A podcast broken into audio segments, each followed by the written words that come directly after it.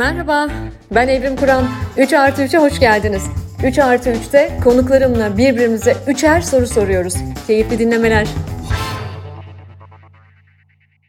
Herkese merhaba. 3 artı 3'ün yeni bölümüne hoş geldiniz. Bu bölümde konuğum psikolog doktor Gizem Sürenkök. Çünkü bizim bugünlerde en çok ihtiyacımız olan meslek gruplarından biri olduğu için bu yayında özellikle Gizem'i misafir etmek istedim. Gizem hoş geldin 3 artı 3'e. Merhabalar Evrim, çok teşekkürler. Beni konuk ettiğin için burada olmak çok güzel. Çok teşekkür ederim. Daha e, neşeli e, zamanlarda inşallah e, daha neşeli hallerle de bir araya geliriz ama bu dönem gerçekten hepimizin e, ülkenin dört bir yanında hatta ülkenin dışında e, hepimizin çok ihtiyacı olan bir e, bir mesleğin var. E, ben de bugün sana sorularımı tam da buralardan yönlendireceğim. Sevgili dinleyen, her zaman her 3 artı 3'te olduğu gibi önce Gizem'i tanıtacağım size ve sonra birbirimize evvelce birbirimizle paylaşmadığımız üçer soru yönelteceğiz. Gizem lisans eğitimini Boğaziçi Üniversitesi'nde psikoloji ve siyaset bilimi ve uluslararası ilişkiler bölümlerinde tamamladı. Sonra Koç Üniversitesi'nden MBA derecesini aldı ve New York Üniversitesi'nden psikoloji yüksek lisans derecesini aldı. E, gelişim psikolojisi alanında çalıştı. Yüksek lisansını ve doktorasını Cornell'da aldıktan sonra e, o da benim gibi e, tersine göç oldu ve Türkiye'ye döndü. Türkiye'ye döndü ve yakın ilişkiler platformunu kurdu. E, platformu hemen Google'layabilirsiniz. Yakın ilişkiler e, platformundan çok da beslenebilirsiniz. Ve e, yakın ilişkilerin ardından psikolojik farkındalığı ulaşılabilir ve sürdürülebilir kılmaya yardımcı bir mobil uygulama olan Relate App diye bir girişim başlattı. Bunun gerçekten ne kadar kıymetli olduğunu galiba şu son bir ayda daha da iyi anlamaya başladık. Psikolojik farkındalığın sadece ulaşılabilir olması da değil ama aynı zamanda sürdürülebilir olması. E, o yüzden bu app'lerin de çok kıymetli olduğunu düşünüyorum. Gizem, hoş geldin tekrar yayına. Çok teşekkürler Evrim, çok teşekkürler. Ve ilk sorum geliyor. E, kendim için e, soruyorum zaten bu soruları. Sevgili Armağan Çağlayan'ın kendi programında sadece kendi merak ettiklerimi soruyorum dediği gibi. Bir ay önce, insan inanamıyor gerçekten ama bir ay önce, 31 gün oldu, 6 ee, Şubat'ta çok büyük bir facia yaşadık, bir afet yaşadık. Ve 45 e, bin kişi, tanımlanan 45 bin kişi, tanımlanamayan çok daha fazla kişinin hayatını kaybettiği büyük felaketin üzerinden, Maraş merkezli büyük felaketin üzerinden bir ayı geçti. 10 ilde hatta 11 ilde etkisini gösterdi deprem. E, ardıl depremlerle ve e, artçılarla hala devam ediyor. Bugün yine e, bölgede yüksek seviyede artçılar oldu. Türkiye sarsıldı, dünya sarsıldı ve o depremin ilk günlerindeki her bir enkazın başında süren arama kurtarma çalışmaları zaman içerisinde enkaz kaldırma, 3-5 parça eşya kurtarma, hatta insanların cenazelerine erişmeye çalışması gibi gibi kabusun dalga dalga etkileri e, yayılarak devam etti. Sonuçta e, büyük bir felaketle karşı karşıyayız. E, bölgede ihtiyaçlar hala giderilmiş durumda değil. E, yaklaşık 13 milyonluk bir nüfusu demografiyi etkiliyor ve e, hepimizin, e, benim mesela annem Malatyalı, e, bir şekilde hepimizin e, doğrudan veya dolaylı tanıdıklarının, e, dostlarının, çalışanlarının, ekip arkadaşlarının etkilendiği ve hepimizin e, ülkecek e, adeta birinci seviyede etkilendiğimiz bir afet. E, bazen empati kurmaya çalışıyoruz, bazen ağlıyoruz, çaresiz kalıyoruz, öfkeleniyoruz. Ben e, öfke nöbetlerine sık sık giriyorum bu son bir ayda. E, bir taraftan hani acıda eşitlenmek söz konusu ama bir taraftan da kutuplaştık da belli noktalarda. E, yani aslında hep beraber enkaz altında kaldığımızı düşünüyorum. Ve e, bu enkazın altından da bir şekilde çıkmamız gerektiğini düşünüyorum. E, Gizem depremden önce şunu diyordum ben zaten Türkiye 2018 e, ekonomik krizi, üzerine pandemi, üzerine tekrar ekonomik dalgalanmalar, siyasi belirsizlikler, olağanüstü işsizlik, müthiş enflasyonist ortam gibi zaten çok kırılgan bir yerdeyken bir de üzerine e, böylesi bir afet başımıza geldi. Bu yaraları nasıl saracağız? Ne yapmak lazım? E, kendi adıma da sana bunu sormak istiyorum. Çünkü ben de e, memleketin 85 milyon insanı gibi memleket dışında gurbetçi dostlar gibi ne yediğimin e, tadını alıyorum ne de e, vicdan azabı olmaksızın sıcak bir duş alabiliyorum. Ne yapacağız Gizem? Biz bu e, duyguyla, bu suçluluk duygusuyla ve elimizin kolumuzun bağlı olması hissiyle nasıl baş edeceğiz? Evrim yani bu soru benim de kendime sık sık sorduğum bir soru. Yani çok dürüstçe cevap vermek gerekirse mesleki bir yerden de cevap vereyim ama biraz kişisel olarak da cevap vereyim. Yani bence bu yaraları e, sarmanın yani psikoloji bilimine baktığımızda bu kadar büyük bir afetten sonra, bu kadar büyük bir travmadan sonra e, bu yaraları sarmak gerçekten zaman alacak. Zaten bunun hızlı olmasını beklediğimizde o böyle bir an önce kapatalım geçsin önümüze bakalım duygusu. O da çok insani olmakla beraber. Çünkü devam etmek istiyoruz, yola devam etmek istiyoruz. Ama öyle olmayacak. Yani gerçekten vakit alacak ve bizim aslında bununla yüzleşmemiz lazım öncelikle. Yani ne oldu? Orada ne oldu? Yani bu doğal afet çünkü doğal afetin sonucunda olan bir felaket değil bu sadece kendi başına aslında. Yani eğer mesele sadece deprem olması olsaydı ve orada e, dep depremin etkisiyle, depremin çok güçlü etkisiyle binaların yıkılması olsaydı bile hala daha bence aklımızın alabileceği bir felaket olurdu. Ama ondan sonrası, ondan sonrasındaki kaos, ondan sonrasındaki işte oraya giden yardımlarla ilgili problemler ya da insanların günlerce enkaz altında kalması, bekledikleri yardımların bir türlü gelmemesi ya da işte e, çok sevdikleri insanların başında çaresizce bekleme halleri. E, işte onlar insan eliyle yapılmış e, travmalar ve onların geçmesi çok daha uzun sürecek bence. Yani o güvensizlik duygusu ben şimdi kime güvenebilirim, kime sırtımı yaslayabilirim duygusu bence en kritik olan şey bu süreçte. Ve bunu inşa etmek, bunu yeniden inşa etmek aslında bence bizi düzlüğe çıkartabilecek olan yegane şey. Yani burada e, insanlara tekrar birbirlerine e, ve hayata diyeyim tekrar güvenmelerini sağlayabilecek ne yapabiliriz sorusunu kendimize sormamız gerekiyor. Burada tabii ki bence en umut verici olan şey kendi adıma da son işte 31 gündür senin söylediğin gibi e, yüzümü gülümseten ya da kendimi iyi hissettiğim yegane anlar ortak bir şeyler yapılabildiğini gördüğüm zamanlar oluyor. Yani evet hani insanların mesleklerinden bağımsız kendi yetkinlik alanları içerisinde bir şekilde birbirlerine değebildiklerini görebildiğim zaman ben de kendimi iyi hissediyorum ve oradaki insanların da buna tutunarak ilerleyebileceklerini düşünüyorum ancak. Yani dayanışmayla iyileşebileceğiz, ilişkiler içerisinde iyileşebileceğiz diye düşünüyorum.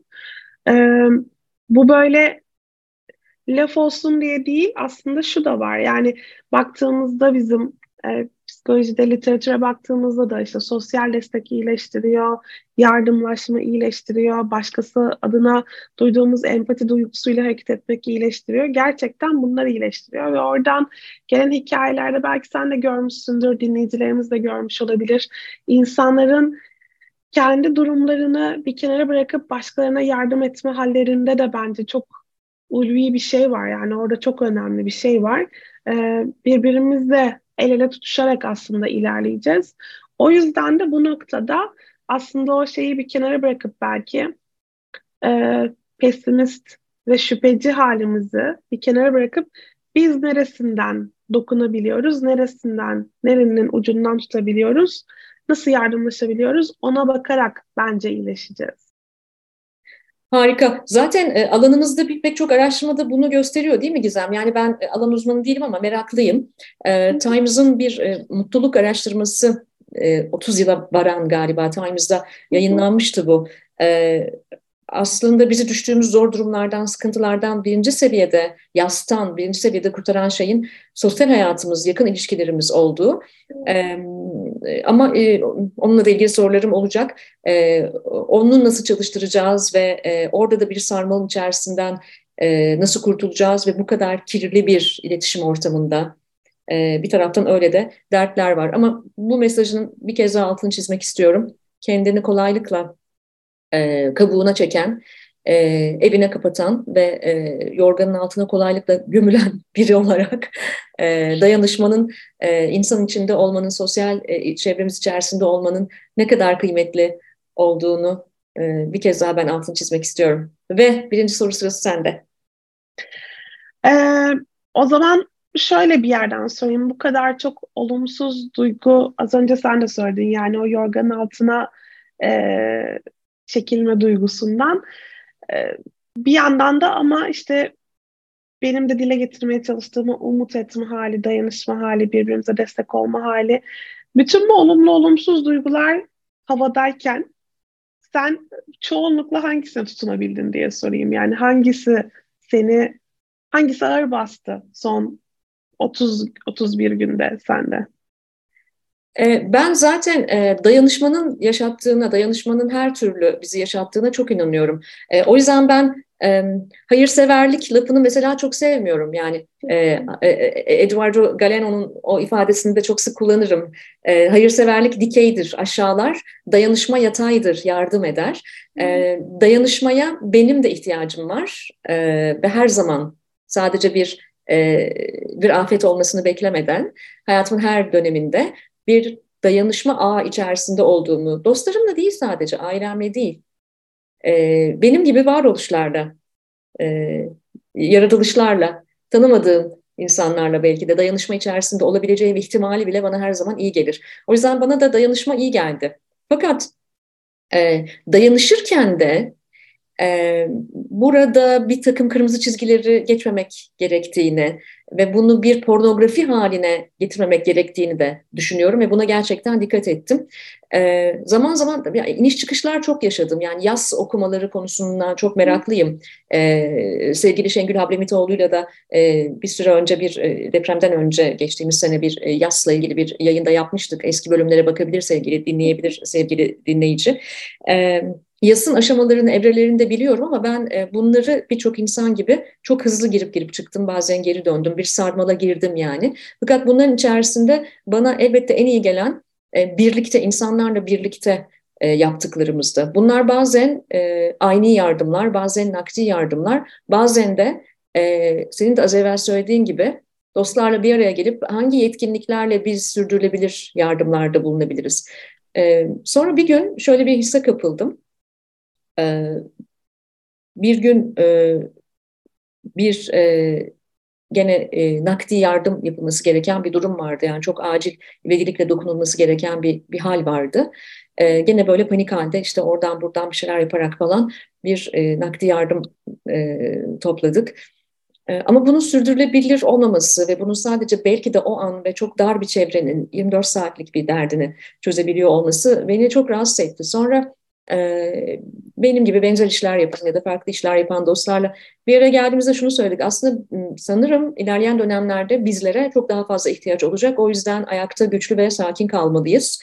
Ve e, uçaktaki oksijen maskesi gibi önce bir oksijen maskesini kendimize takıp e, daha sonra çocuğumuza, daha sonra sevdiklerimize belki faydamız olabilecek. O yüzden e, dayanışmanın sürdürülebilirliği ile ilgili e, düşündüğümde, daha ileri seviyede oturup projeler geliştirdiğimizde, e, bölgede işte ne bileyim benim daha ziyade çalışma alanım gençler, e, bölgede üniversite öğrencileriyle, gençlerle daha ileri seviyede neler yapılabilir oturup düşündüğümüzde ve konuştuğumuzda, yani sürdürülebilir konulara odaklandığımızda bu bana daha iyi geliyor kesinlikle. Ama tabii böyle bir iniş çıkışlı bir ruh hali ben e, e, biraz içine kapanık biriyim birinin aksine.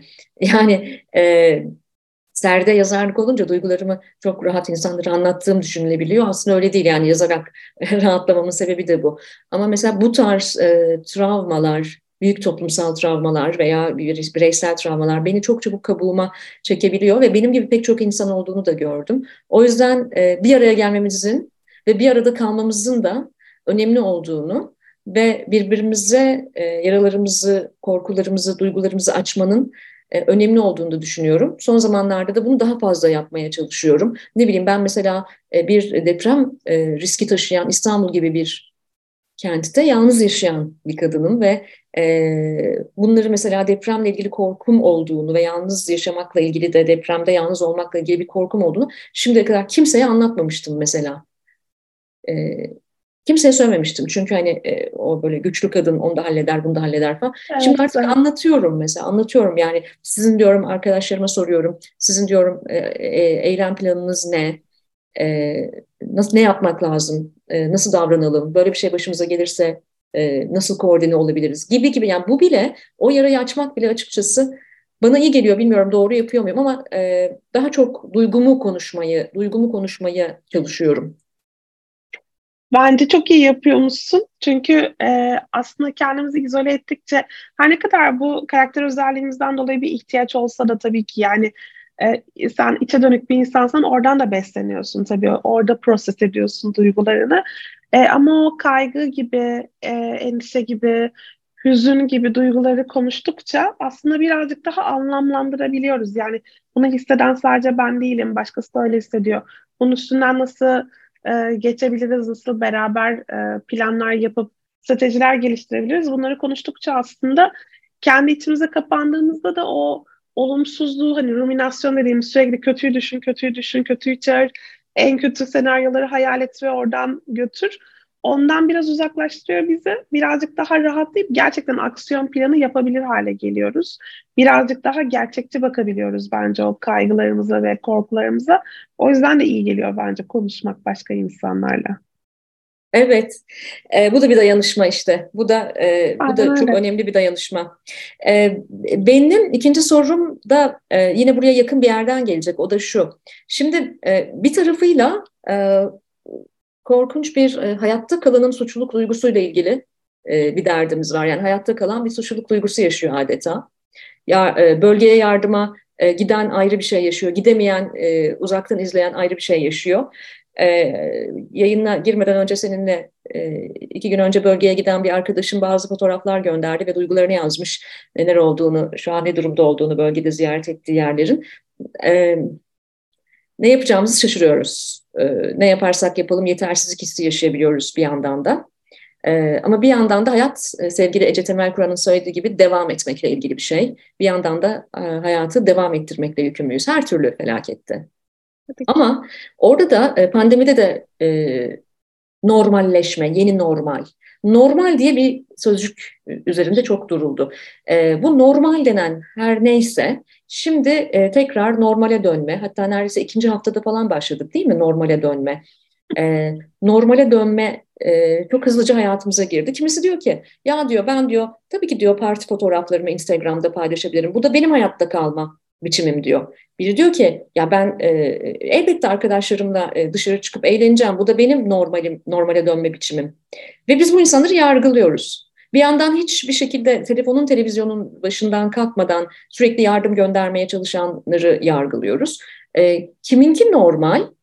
E, bunların hepsi birbirine girdi gibi geliyor bana. Normal olan gerçekten hangisi? E, bir yandan e, şiddetli bir acı pornografisi de devam ediyor. Buna e, özellikle medya eliyle gerçekleşen bu acı pornografisine de e, oldukça e, kızgınım. Çünkü esasen e, uzun vadede kalıcı etkiler olacak e, buradan gibi geliyor. E, kafam çok karışık yani bu konuda. Normal ne? Normal diye bir şey gerçekten var mı? Ben deprem örneği göster verdim ama e, bu her türlü yas için geçerli. Her türlü kayıp için, evet. ayrılık için, vefat için, hayat değişikliği için, ülke değişikliği için, iş değişikliği için. Normal ne? Ee, Evrim şimdi ben yasın, yasa verilen tepkilerden bahsedeceğim ama önce şunu söylemek istiyorum. Bence bu süreçte aslında birbirimize duyduğumuz kızgınlık bizim başka şeylere duyduğumuz kızgınlığı e, başka yerlere yönlendiremeyip birbirimize yönlendirmemizden kaynaklanıyor aslında. Yani öfkemizi doğru yerlere yönlendirebilsek belki birbirimizle bu kadar meselemiz olmayacak ama projekte ediyoruz ve birbirimizden çıkartıyoruz bence acısını.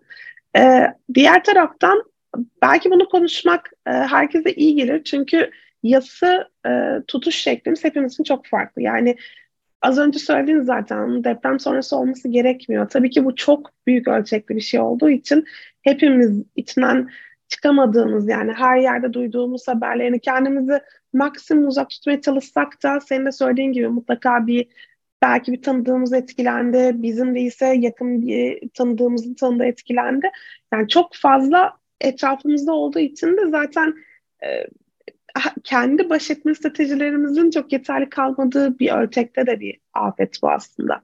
Ama her türlü kayıp veya değişiklik durumundan sonra yaşadığımız o strese, kayba verdiğiniz tepki herkes için farklı olabiliyor. Yani mesela diyelim ki ben e, ağlıyorum, bağırıyorum, söyleniyorum, sızlanıyorum, şikayet ediyorum, Twitter'ı kullanıyorum, e, aktif olarak bir şeyler yapıyorum. Yani o yaptığım şey illa oraya yardım götürmek olmaya da bilir. E, kendi kendime söyleniyorum. Bu da bir tepki. E, kimisi hiç bir şey hissetmeye, hissettiğini hissettiğini fark etmeye izin vermeden hemen kolları sıvıyor, kendisini deprem bölgesine atıyor. Oradaki koordinasyonların içinde yer alıyor. Burada gidemiyorsa burada yardım paketlerinin başına geçiyor. Nasıl yapabilirim? E, arabayı kullanayım, bir şey yapayım. Aktif aksiyona geçmek istiyor. Kimisi hiçbir şey yapamadan e, gerçekten cenin pozisyonuna geçip kanepede kala kalıyor. Yani paralize olarak kala kalıyor. Kimisi de hiçbir şey olmamış gibi davranmayı tercih ediyor. Bunların hepsi aslında normal tepkiler. Çünkü çok anormal bir durum yaşadık ve hepimiz anormal bir duruma belki normalde anormal sayılabilecek ki bu kavramla benim de sorunum var. O yüzden yani şimdi kullanıyorum ama bir yandan da kafamda soru işaretleriyle kullanıyorum.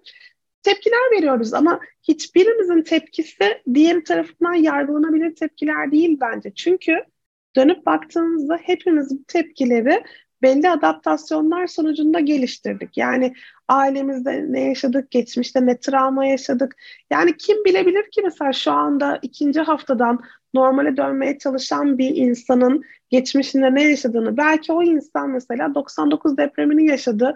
Orada öyle bir süreçten geçti ki şimdi deprem haberleri onun için çok tetikleyici ve o hiçbir şey görmek istemiyor. Kimisi belki ilk defa hayatında böyle bir travmayla karşılaştı ve onun için en iyi yöntem aksiyona geçmek. Kimisi geçmişte yaşadığı başka başka sorunların tetiklenmesiyle şu anda paralize oldu, hiçbir şey yapamıyor. O yüzden hiç kimse birbirinin geçmişine getirdiklerini bilmeden birbirini böyle eleştir, eleştirdiğinde ah cümleyi tamamlayamadım ama yani aslında birbirimize haksızlık ediyoruz bence. Çünkü birbirimizi tanımıyoruz bile yeterince iyi karakter özelliklerimizi ne getirdik, ne yaşadık, şu anda ne hissediyoruz.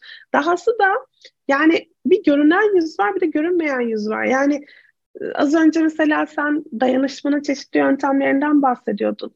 Yani kim kimin ne yaptığını nereden biliyor ki? Kim benim? Mesela ben şu anda podcast kaydediyorum ama belki bunu kapatacağım ve depremle ilgili bir şeyler yapacağım. Kimsenin haberi olmayacak ya da tam tersi belki hiçbir şey yapmıyorum ama sosyal medyada sürekli bir şey yapıyormuşum gibi gösteriyorum.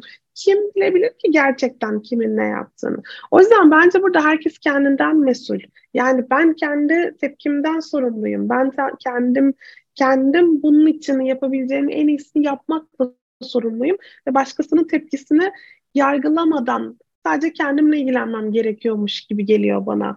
Ama tabii ki bir taraftan da bu işin bir toplumsal tarafı da var. Yani bu sadece mikro düzeyde ben ne yapıyorum, başkası bireysel olarak ne yapıyor değil. Toplumsal olarak da biz bu süreçte nasıl baş ediyoruz? Yok mu sayıyoruz? Ee, yoksa yüzleşip biz bununla nasıl başa çıkacağız diye mi konuşuyoruz? Yoksa aman tanrım hemen geçsin önümüze bakalım. Çünkü Türkiye gündeminde zaten hiçbir şey kalıcı olmuyor. Sürekli her şey geçiyor. Bunu mu yapıyoruz? Eğer yani bunu toplumsal düzeyde soruyorsan o zaman anormallikten konuşalım. Çünkü bu olay toplumsal düzeyde oluyorsa bence bu olay hiç yokmuş gibi davranmak ya da sürekli kendi gündemimizi getirip de bu olayı bir an önce geride bırakmaya çalışmak işte o anormal geliyor bana. Galiba burada da bizim e, bireysel bir toplum değil yani bireyciliğimizin bakın bireysel de demeyin bireyci e, yani bireyi önceleyen ve bireye sorumluluk veren bir toplum olmaktan ziyade kolektivist bir toplum olmamızın da e, büyük etkileri var diye düşünüyorum. Ne dersin yani değil mi? Yani sonuçta e, e, kitlesel oluyor bizde hareketlerde. Bak mesela siyasi gündem değişti üç gündür Türkiye'de ve e, bölgede korkunç bir durum. E, rüzgar, fırtına, yağmur, çadırlar uçuyor. Bölgenin belli yerlerinde ciddi su sorunu yaşanıyor. E, hiç su eriştiremediğimiz, sağlıklı suyun erişemediğimiz bölgeler var gibi gibi ve biz bütün bunlara rağmen kitlesel olarak, kolektif olarak yönümüzü siyasete döndük ve gündem tamamen değişti. Umarım hızlıca bölgeye konsantre olmaya başlarız toplum olarak da. Bu galiba bizim o bireyin biricik olduğu, bireyin kendinden sorumlu olduğu, bireyin öncelenmesi gereken bir toplum olamamamızdan da kaynaklanıyor olabilir mi diye düşünüyorum. Kesinlikle ilgisi olduğunu düşünüyorum. Ben şurada çok ufacık bir kendi söylediğimi biraz daha açığa kavuşturmak için şunu söyleyeyim. Ben bireyin yani bireyci bir insan değilim açıkçası. Yani bire, yani ben ikisinin dengesinin bulunması gerektiğini düşünen bir insanım. Çünkü bence e, kolektivist olmanın da iyi tarafları var. Bireyselciliğin de iyi tarafları var. Bu ikisini dengeleyebildiğimizde bence en iyisine ulaşacağız. Ama zaten Türkiye'deki bireycilik de çok devşirme bir bireycilik olduğu için orada da problemler var zaten. Yani bizim e, toplumumuz aslında kolektivist bir toplum ama kolektivist olmayı da başaramadığımız yerler var. Yani o buradaki bütün karmaşa yani burada da hiçbir şeyin dengesini bulamamız, bulamamamızla da ilişkili oluyor bence günün sonunda yaşadığımız problemler. Yani dayanışmada bile mesela şey sıkıntısını yaşıyoruz bence. Dayanışmada bile ne kadar e, bir bireysel yetkinliklerimizi, bireysel güçlü taraflarımızı getirebiliyoruz. Veya iki ne kadar kendi e, bireyci taraflarımızı kenara bırakıp oraya adapte olup oranın içerisinde olabiliyoruz. Bence bunlarla ilgili de sorunlarımız var. Bilmiyorum katılıyor musun ama. Katılıyorum. İşte o zaman zaten e, yığın oluyoruz tamam mı? Kitle olmuyoruz da yığın oluyoruz ve o yüzden de kafası kesik tavuk gibi e, özellikle e, ilk günler böyleydi ama bence işte bir ay geçti ama hala öyleyiz. E, koordinasyon problemlerini de böylece yaşıyoruz. Çünkü gerçekten bireysel yetkinliklerimizi ve e, e, bir kriz veya risk yönetimine bireysel yetkinliklerimizi yansıtmakta tabii sıkıntılar oluyor. Ondan sonra da yardım ederken bile kutuplaşabiliyoruz. E, e, ötekileştirebiliyoruz çeşitli yardım eden grupları da e, bir hayli sosyolojik olarak ele alınması gereken ilerleyen dönemlerde bir süreçten geçiyoruz. Bir taraftan da e, psikoterapi gibi sosyoterapinin de burada e, gruplar ve kitleler üzerinde çok önemli olacağını düşünüyorum. E, ve şimdi e, yeni soru sırası, ikinci soru sırası sende. Hazır bu dayanışmadan bahsederken yani organize çalışmaktan bahsederken aslında çok güzel denk geldi. Ben de e, şunu söyleyecektim yani dayanışma aslında birbirimizin güçlü taraflarını öne çıkartmak, zayıf taraflarını e, tamamlamak değil mi? Oradan gelen bir şey. Sen peki bu süreç içerisinde yani son bir aydır kendinde fark ettiğin daha güçlü ya da daha zayıf yani mesela deprem kaygından bahsettim ama daha şimdi bir karakter özelliği olarak bunu fark, fark ettiğin bir tarafın oldu mu? Değişik bir yanın oldu mu? Ya bende de şu varmış ben hiç fark etmemiştim dediğim bir şey oldu mu? E, yani e, genelde rezilyansımın yani psikolojik dayanıklılığımın güçlü olduğunu e, düşünürdüm. E, burada biraz onu test ettim. Yani e, e çok e, pek çok yardım faaliyetinin veya koordinasyon faaliyetinin içerisinde yer almaya gayret ederken hem Türkiye'deki hayatımda hem Kanada'daki hayatımda bu koordinasyonu iyi yapabileceğimi gördüm veya işte daha hep şunu söylerim ben, insan aklının ipiyle kalbinin kuyusuna inmeli. Yani aklımın ipini hiç bırakmamaya gayret ettim. Aklımın ipini e, bırakmamaya çok çalıştım. Ama e, e, duygusal e, açıdan e, kendimde şunu gördüm. Yani benim duygu pornografisine karşı toleransımın çok zayıf olduğunu gördüm. Ve öfkelendiğim anların hangi anlar olduğunu gördüm. Yani otantik bulmadığım, e, pornografik bulduğum, e, acıları yarıştırmaya giden e, anlarda çok öfkelendiğimi gördüm. Ve orada da e, bir öfke kontrolü sorunu yaşayabildiğimi gördüm. Yani kendimde mesela bunu fark ettim. Onu da şuradan geldiğini düşünüyorum. Benim hayatta en önemli üç değerimden biri otantisite yani sahicilik. Yani o sahiciliğin ayarı kaçtığı zaman e, ve insanların e, duygularının e, manipüle edilmeye başladığı zamanlarda öfkelendiğimi gördüm. O yüzden ben bu e, benim payıma düşen bu yaz sürecinde e, öfke durağına çok sık girdim girdim çıktım e, ve bu benim çeşitli ilişkilerime de yansıdı. E, yani tartıştığım, kavga ettiğim insanlar oldu. İlişkime devam etmeme kararı aldığım falan. Yani E, ve bunu itiraf ediyorum hani bu yayında. Eminim e, sevgili dinleyen sizin de hayatınızda olmuştur bu.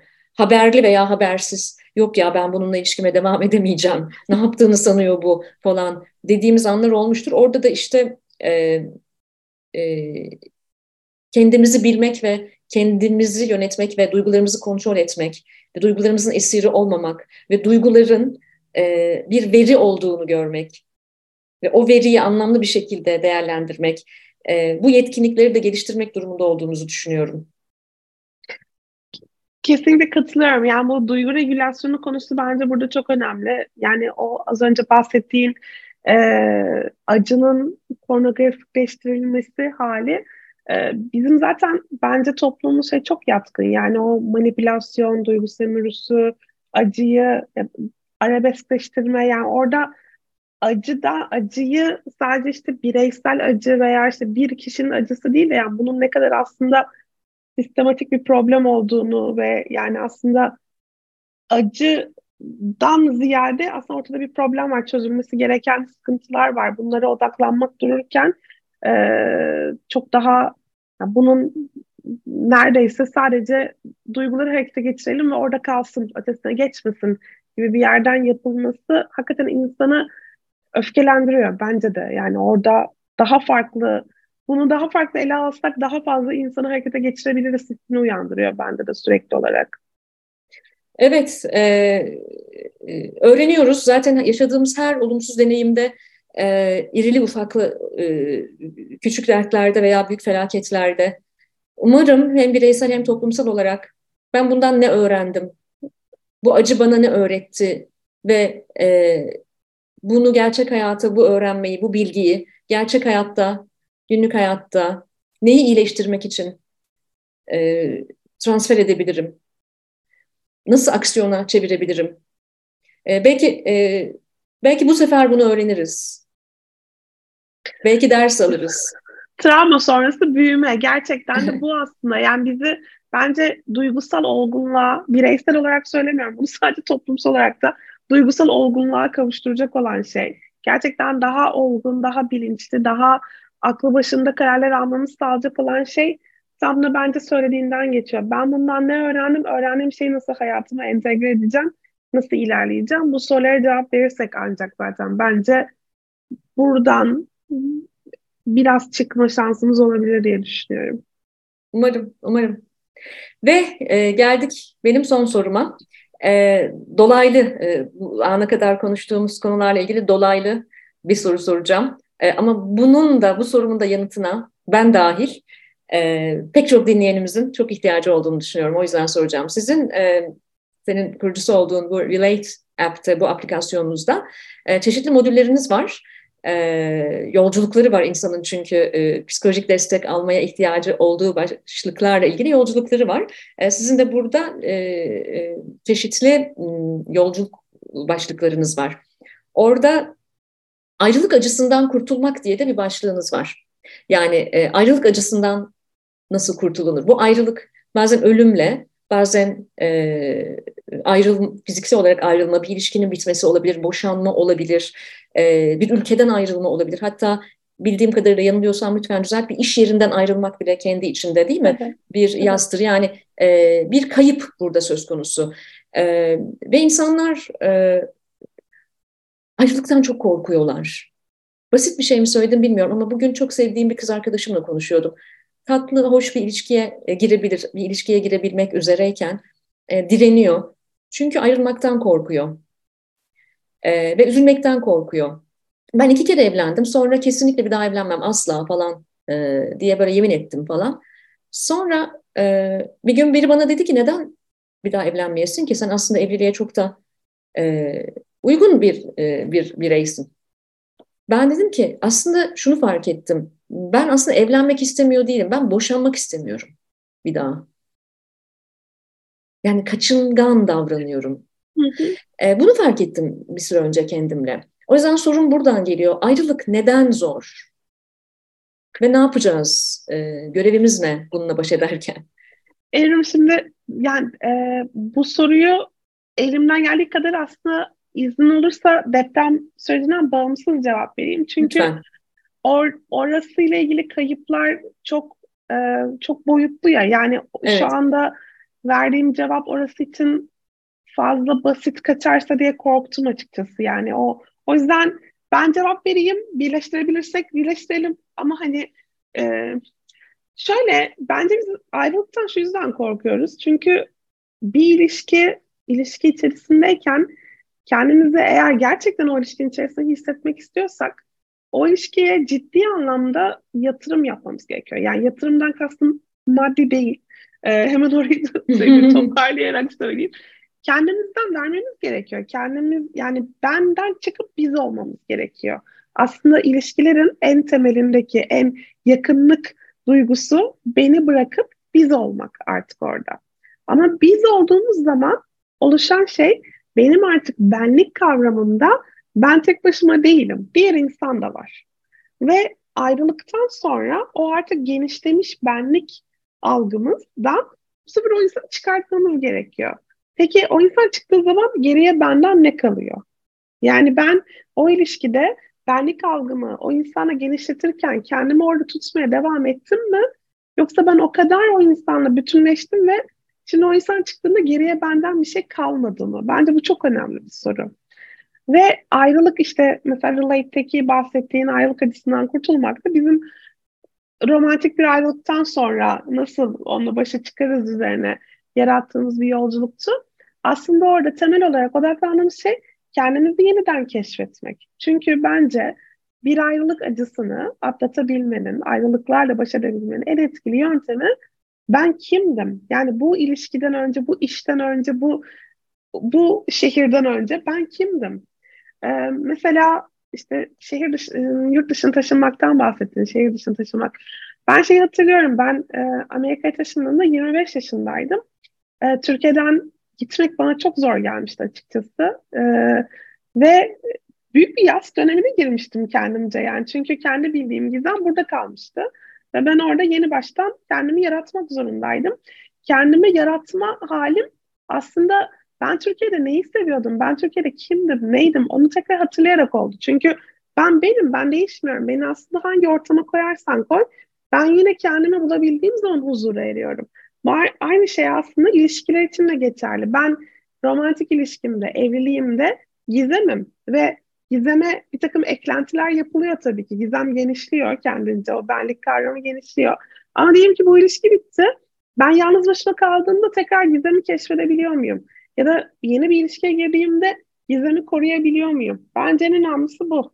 O yüzden de aslında bence kayıpla, bu anlamda kayıplarla başa çıkmanın en iyi yöntemi kişinin kendisini tanıyabilmesi, kendisinin kim olduğunu bilebilmesi, kendisi kendi benliğini tekrar keşfedebilmesi.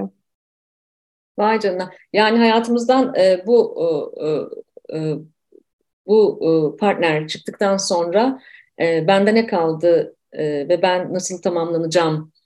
E, bunu size anlatırken Camus'un, Albert Camus'un e, e, defterlerinde şöyle bir şey geçer. E, umarım yanlış söylemiyorumdur. E, eğer e, sevdiğimiz insanlar onları sevmeye başlamadan önceki hallerimizi bilselerdi bizi ne hale getirdiklerini daha iyi anlayabilirlerdi gibi bir e, çeviri. ya bu aslında bir taraftan çok güzel bir taraftan çok hüzünlü yani aynı anda karışık hisler uyandırdı bende. Evet. Çünkü düşündüğün, düşününce birbirimize aşık olduğumuzda o anki halimize aşık oluyoruz. Ama zaman içerisinde birbirimizi değiştirmek istiyoruz ve o değiştirme, değiştirme isteği de çok anlaşılır. Çünkü daha iyi bir partner oluşturabilir miyim karşımdakinden güdüsü hep var. Ama sonra değiştirdiğimiz insana bakıp ben artık bu insanı istemiyorum da diyebiliyoruz.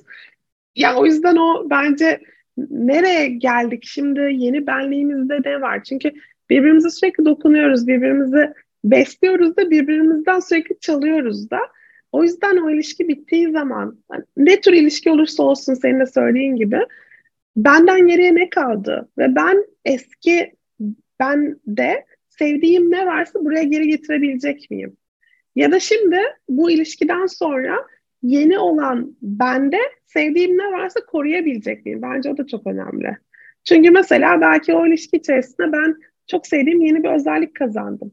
Bu insan yokken de yanımda ya da bu işte çalışmıyorken de artık bu yeni özelliğimi koruyabilecek miyim? Ona sıkı sıkı tutunabilecek miyim? Bu da çok önemli bir soru bence. Vay be. İnsan boşuna demek ayrılmaktan korkmuyor. Bayağı büyük bir sorumluluk istiyor bu çünkü. Kendimizle olan ilişkimizle ilgili bir sorumluluk galiba. Aynen kendi kendi benliğimizi sürekli çünkü aslında biz hep kendimizle baş başayız değil mi? Yani az önce söylediğin şeyde o boşanma ve evlilik orada aklıma şu geldi. Ee, biz aslında yakın ilişkiler e, psikolojisinde çok söylediğimiz bir şeydir. E, ilişkilerin en büyük ikilemi e, gerçekten yakınlık kurmak istiyorsak olabilecek en açık, en e, kırılgan halimizde o insanın karşısında olmamız gerekir. Ve en savunmasız halimizde ve o halimizde kalbimizin kırılması en açık halimizdir. O yüzden çok seviyorsan çok canın yanması riskini e, almak zorundasın. Yani gerçek yakınlığı kurmak istiyorsan canın yanması riskini alabileceğin en yüksek oranda almak zorundasın. Alabiliyor musun, alamıyor musun? Bu soru. Evet çok güzel. Ee, bir önceki bölümde de sevgili Oğuzhan Canım'la e, çektiğimiz bir önceki bölümde de e, e, biraz kırılganlıktan, yaralanmaya açıklıktan konuştuk ve Brené Brown'un kulaklarını çınlattık. Brené Brown diyor ki kalbi kırıklar içinizdeki en cesur kişilerdir. Çünkü onlar sevmeyi göze aldılar. Aynen öyle ya o o şey yani o kırılganlık çünkü gerçekten yani bizim hani hep şu bana çok sorulan bir soru. İlişkilerde ne kadar stratejik davranalım, ne yapalım. Ama stratejik davrandığınızda zaten siz o ilişkide değilsiniz. O yüzden siz siz gerçekten siz olduğunuz halinizde ilişki kuruyorsanız o zaman zaten siz olduğunuz halinizde yargılanacaksınız ve eleştirileceksiniz ve kalbiniz kırılacak. Duvarlarınızın önüne geçebiliyor musunuz? Arkasında kalmayı tercih mi ediyorsunuz? Sorusu var. Harika. Harika, çok güzel. Evet, ben de buradan e, tüm kadın arkadaşlarıma çağrı yapıyorum. E, kahrolsun stratejik ilişkiler. Hiç ihtiyacımız yok böyle rol kesmeye. Asla yok, asla yok. Rol evet. kesmeye, rol keserek e, ilişkilerin içerisinde kalmak veya birilerinin ilişkilerin içerisinde tutmak e, değil galiba anlamlı bir yaşamın anahtarı. Gerçekten de hep şu soruyu soruyorum ben de. Rol yaptığınız bir ilişkiyi ne kadar sürdürebilirsiniz? Yani siz ne kadar sahte bir hayatı sürdürmek istiyorsunuz? Ee, buradan da izin olursa üçüncü soruma geçeyim şimdi. Haydi Sana bakalım. Ve senin üçüncü sorun ve üç artı üçün bu bölümünün son sorusu. Evet. Bu madem kendimizle ilişki kurmaktan bahsediyoruz. Bana da zaten en çok sorulan sorulardan bir tanesi insan kendisiyle nasıl ilişki kurar, insan kendisini nasıl tanır, e, nasıl barışır, kendisiyle nasıl barışık olur. Ben de izninle bu soruyu sana yönelteyim. Ee, şey diye mi soruyorsun? E, benden doğru mu anlatayım? ben kendimle barışık mıyım? Sen kendi, yok kendi barışık mısın diye o çok belki çok direkt bir soru oluyor ama sen kendine nasıl bir ilişki kuruyorsun? Kurabiliyor musun? Kendi sesini dinleyebiliyor musun? Aa, ne kadar üzerinde çalıştığımı sana e, tarif edemem. Ben zaten çok profesyonel bir danışanım. E, uzmanlığa çok inanıyorum ve e, ruh sağlığında da tabii ki uzmanlarla çalışmamız gerektiğini düşünüyorum. Buradan da bir kez daha bunun altını kalın kalın kalın çizmek isterim. Efendim nasıl e, midemiz ağrıdığında e, gastroenterolojiye gidiyorsak ruhumuzla da ilgili dertlerde alan uzmanlarına mutlaka görmemiz lazım. E, bu konuda e, hep e, kendime karşı cömerttim ben. E, ama kendimle ilişkimde yaşım ilerledikçe e, kendimle ilişkimin daha da e, yani iyileşmeye başladığını gördüm. Çünkü e, çünkü öyle bir yıllarım var ki kendimin en büyük düşmanı olduğum yıllarım da var. Yani beni bu dünyada kimse benim kadar ağır eleştiremez diye düşünüyorum. Yani e, mükemmeliyetçiliğim var bir taraftan, e, kendime hata yapma izni pek vermiyor ol, olmam gerçeği var ve bu, bu gerçeklerle yüzleşmek de bana her zaman iyi geldi. E, bugünlerde de daha iyi geliyor açıkçası. E, kendimden razıyım. Kendimle olan ilişkimden razıyım çünkü. Ama e, bu kendime çok beğeniyorum ve kendime hayranım demek değil.